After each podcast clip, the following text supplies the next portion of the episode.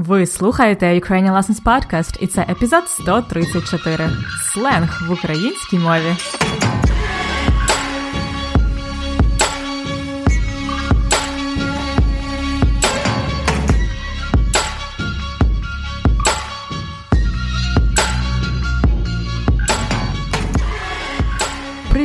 Привіт-привіт! Це Анна, і ви слухаєте подкаст Уроки української. Подкаст для всіх, хто вивчає і любить українську мову. Зараз триває четвертий сезон подкасту, і в цих епізодах вже немає англійської мови, тільки 100% української. Таким чином, ви можете тренувати своє сприйняття мови на слух і вивчати нові слова. Також до кожного епізоду ми розробляємо конспекти уроків, де є повний текст усього, що я кажу в епізоді. Тож ви можете послухати, а тоді прочитати текст, підкреслити собі нові слова та цікаві вирази. Більше про конспекти уроків і преміум підписку ви можете дізнатися на сторінці епізоду ukrainianlessons.com риска епізод 134.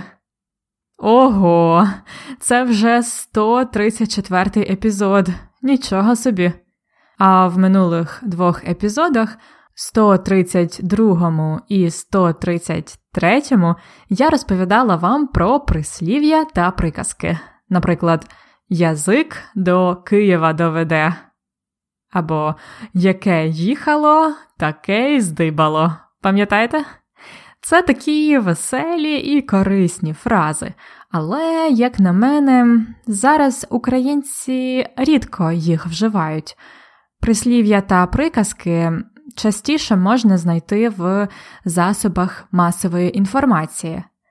Натомість, що можна часто почути в розмовній українській мові, це сленг, неформальне мовлення, особливо молодіжний сленг, слова, які використовують молоді люди. Сьогодні я хочу розповісти вам більше про це, бо я й сама часто використовую сленг, коли говорю з друзями. Набагато частіше, ніж прислів'я та приказки. Тому ви готові починати цей прикольний епізод до роботи. Я на секунді два роки купувала майки, щоб на третій рік купити усім найкам найки, щоб збирати від майбутніх і колишніх лайки. Така що, така що, така, така що. Що таке сленг? Під цим терміном я буду розуміти неформальне мовлення, тобто ті слова і фрази, яких немає в словниках, але люди їх е, використовують з певною метою. Переважно сленг використовують молоді люди.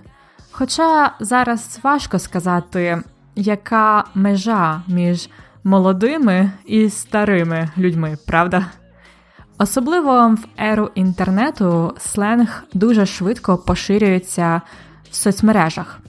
Раніше сленг використовували тільки в усному мовленні, але зараз велика частина спілкування перенесена в онлайн, тому сленгові слова та фрази часто пишуть у чатах, месенджерах і коментарях.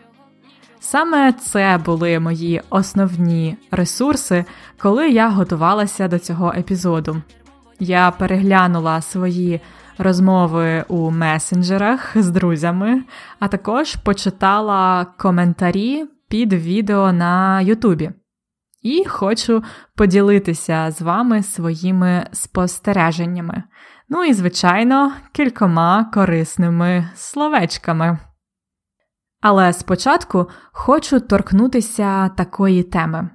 Чому потрібно розуміти сленг? Навіть якщо ви не плануєте вживати сленгові слова, їх треба розуміти. Поясню на своєму прикладі. Я досить довго вивчала французьку мову кілька років. Я ходила на курси у французький інститут у Києві.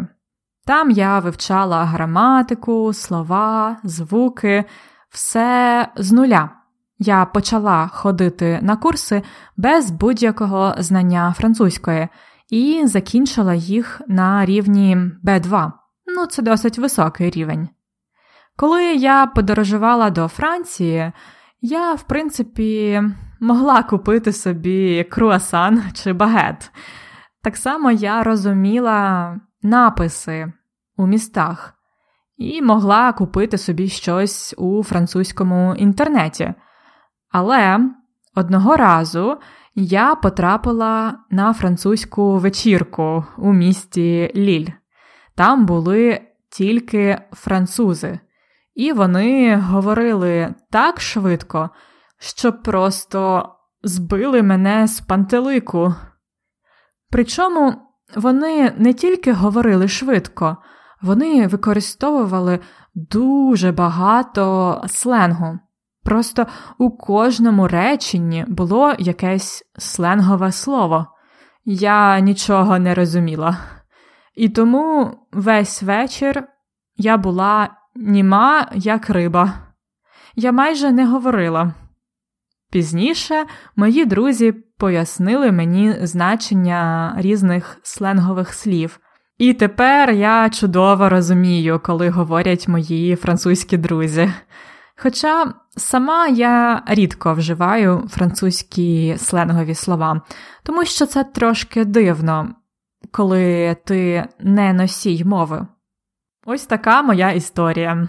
Тому чи хочете ви використовувати сленг, чи ні, бажано знати популярні сленгові слова, бо молоді люди їх часто використовують у неформальних ситуаціях. Це такий собі їхній секретний код. Ну, тепер, нарешті, дам вам приклади сленгу. Я об'єднала їх у кілька груп. Але спочатку послухайте уривок пісні молодої української співачки Джері Хейл.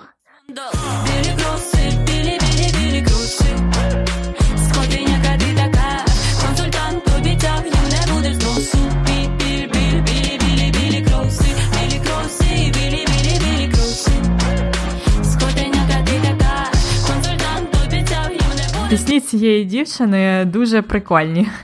Мені дуже подобається, як вона грає з мовою.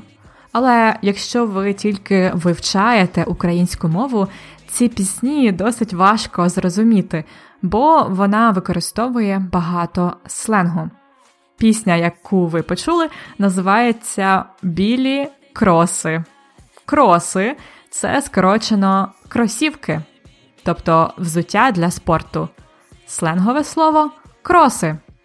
Як бачите, відбулося скорочення оригінального слова, і це перша група сленгу скорочення. Наприклад, магаз це магазин. Я пішла в магаз. Комп це комп'ютер. Де мій комп? Ноут ноутбук. Я купила новий ноут. Інфа інформація. Скинь мені інфу на імейл. Інфа. Також ми додаємо до деяких слів ик. Наприклад, замість телевізор телек, замість велосипед велик. І замість фотоапарат фотик. Телек, велик, фотик. Ці слова набагато швидше вимовляти, правда? Це нормальна тенденція, тому що мова завжди спрощується, будь-яка мова. Інше слово, яке часто пишуть у чатах норм. Норм від нормально. О, мій брат просто фанат цього слова. Коли я питаю у нього, як справи, чи як тобі подобається, він просто відповідає норм. Інше скорочення в чатах це МБ. МБ. Воно означає мабуть. Просто так швидше писати. І наступна група сленгу це слова, які ми використовуємо саме в інтернеті, особливо в соціальних мережах або скорочено у соцмережах. Там багато таких слів. Наприклад, неформально ми кажемо пост, хоча правильно сказати публікація, допис, пост у Фейсбуці. Також ми вживаємо інші англійські слова: comment замість коментар, лінк замість посилання, лайк і дієслово лайкати. Я лайкнула її новий пост. Також таке нове поняття, як мем. Ми кажемо мем або мемас.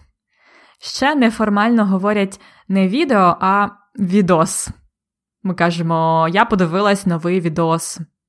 Ну і, звичайно, ми кажемо гуглити або гуглити, шукати щось в гуглі. Це слово було дієсловом дня в одному з епізодів третього сезону.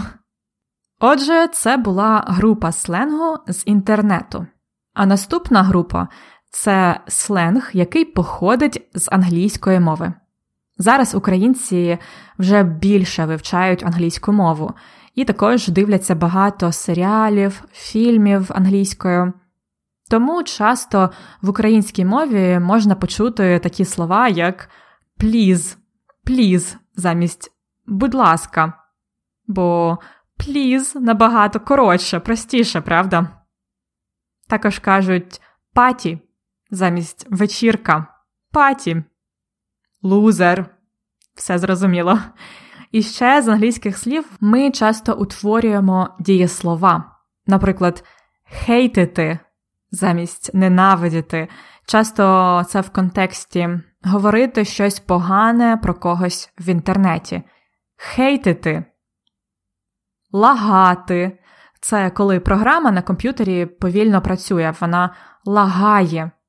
І фіксити, пофіксити, виправити помилку в програмі. Такі слова часто використовують програмісти. Мій брат програміст. І коли він говорить е, зі своїми колегами, я просто нічого не розумію. Це якийсь англо-український суржик. Тобто одне слово українською, а інше англійською. У чатах ми навіть використовуємо англійські вигуки, але записуємо їх кирилицею, українськими літерами. Наприклад, єй, єй або вау.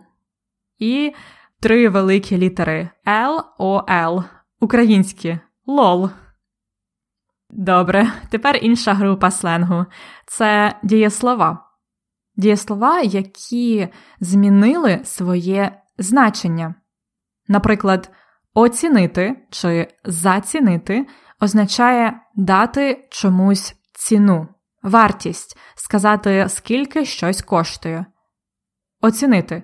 Але неформально ми кажемо заціни мої нові джинси. Тобто, ось дивись, мої джинси, що ти думаєш про них? Заціни мої нові джинси. Або Зацініть новий епізод подкасту. Або дієслово зарулити. Це означає повернути руль машини і змінити напрямок, зарулити. Тобто це пов'язано з водінням машини. Але в сленгу зарулити означає заїхати чи зайти просто до когось в гості. Наприклад, зарулюй до мене, пограємо в контру. Тобто заходь до мене в гості, зарулюй до мене. Будемо грати в контру, тобто в популярну гру Counter-Strike. Таке можуть сказати геймери. Зарулюй до мене, пограємо в контру. Ще одне дуже популярне дієслово скинути. Ми його використовуємо, коли треба щось комусь надіслати через інтернет. Наприклад, скинь документ, скинь фотки, скинь відос. Інші популярні сленгові дієслова це наїхати, тобто вимагати щось від когось, наїхати, зависати це як англійською hang out, тобто бути з кимось просто в компанії, бути з друзями. І також зависати означає коли комп'ютер повільно працює, він зависає. Інше дієслово морозитися означає не звертати на когось увагу, уникати когось, морозитися. Забити означає перестати думати про щось чи когось, покинути якусь ідею, забити на щось, намилитися, зібратися щось робити, думати про те, щоб щось зробити, намилитися, шарити це означає розуміти, знати щось, шарити. Шариш, тобто розумієш. Двіжувати це танцювати в клубі або просто бути на якійсь вечірці, розслаблятися, двіжувати. І тусити чи тусуватися це схоже, це проводити час в компанії з друзями, тусуватися тусити.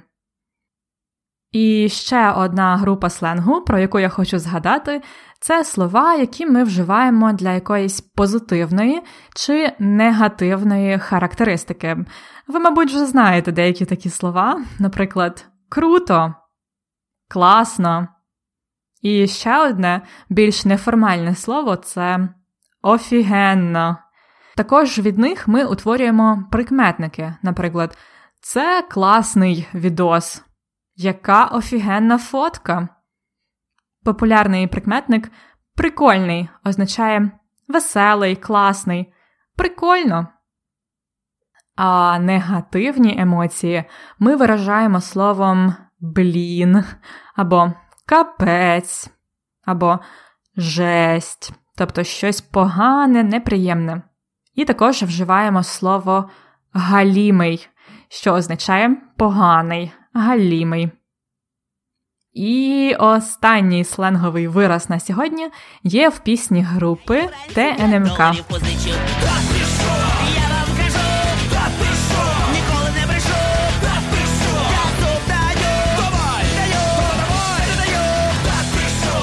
Це вираз та ти шо, тобто ого, але прикольніше. Та ти шо. Та ти що? Тобто нічого собі. Ого. Та ти що?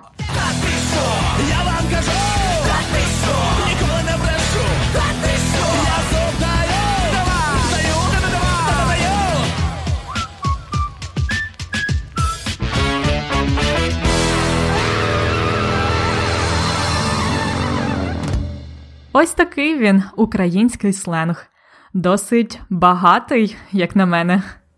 А тепер перейдімо до рубрики ідіом і фразеологізмів, які я сьогодні сказала. На початку розповіді я торкнулася такої теми чому потрібно розуміти сленг? Торкнутися теми означає розповісти щось на тему, порушити тему. Сьогодні на подкасті я торкнулася теми сленгу. Вживаємо з родовим відмінком торкнутися теми. Далі я розповідала про те, як я вивчала французьку мову. Я ходила на курси у французький інститут, і там я вивчала французьку з нуля, вивчати щось з нуля, тобто без попередніх знань. Я зовсім не знала французької, коли почала її вивчати на курсах. Я вивчала її з нуля. А ви? Ви вивчали українську мову з нуля? Чи вже трошки знали її від батьків?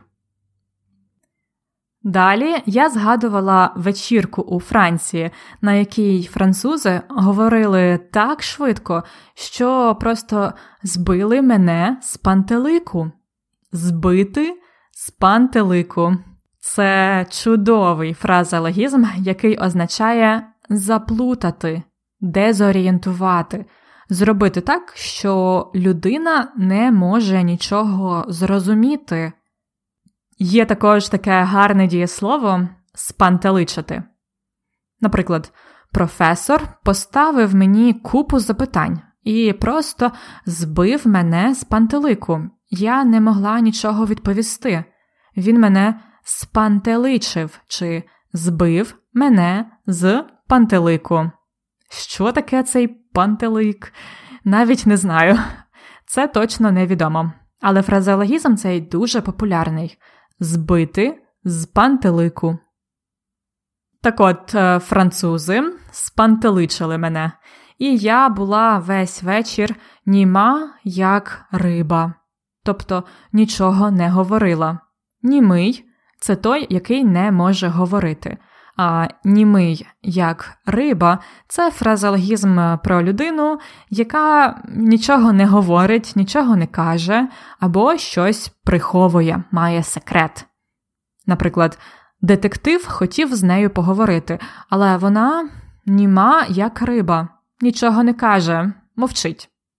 Про французький сленг я казала, що сама рідко використовую французькі сленгові слова, тому що це трошки дивно, коли ти не носій мови.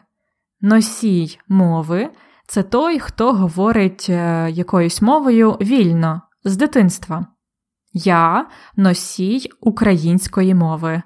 Українською ми не кажемо native speaker, ми кажемо носій мови. І останнє про дієслово морозитися.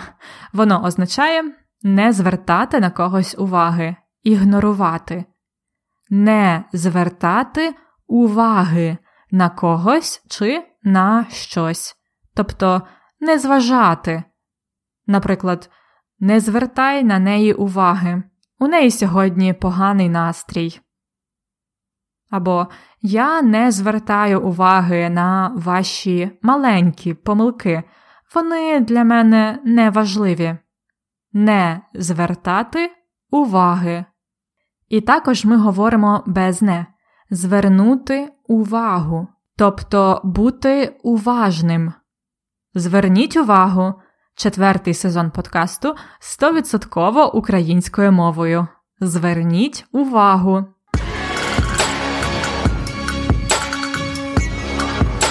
Цікавинка з граматики. Сьогодні я хочу нагадати вам один відмінок, родовий відмінок. Як ви скучили за відмінками? Отже, поглянемо на вираз не звертати уваги. Ми говоримо звертати увагу, але не звертати уваги. Чому так?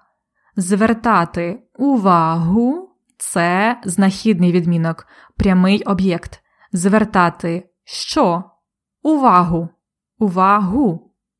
Але не звертати уваги це родовий відмінок, тому що є не, тому що це заперечне, можна сказати, негативне дієслово, не звертати уваги. І з заперечними дієсловами вживаємо не знахідний, а родовий відмінок. Отже, звертати увагу, але не звертати уваги. А ви пам'ятаєте закінчення родового відмінка? Для чоловічого роду це а я або ую. Наприклад, я не побачила свого брата, чи я не відчувала холоду. А для жіночого роду це и чи і. Я не звертала уваги на нього. Я не відчувала радости чи радості. І так, і так. Так само сьогодні я казала, що я зовсім не знала французької мови, коли почала вивчати її на курсах. У конспекті до уроку ви знайдете інші приклади цієї формули не плюс дієслово плюс родовий відмінок. А також для повторення ми додамо туди таблицю утворення родового відмінка. І також там будуть вправи для практики родового відмінка.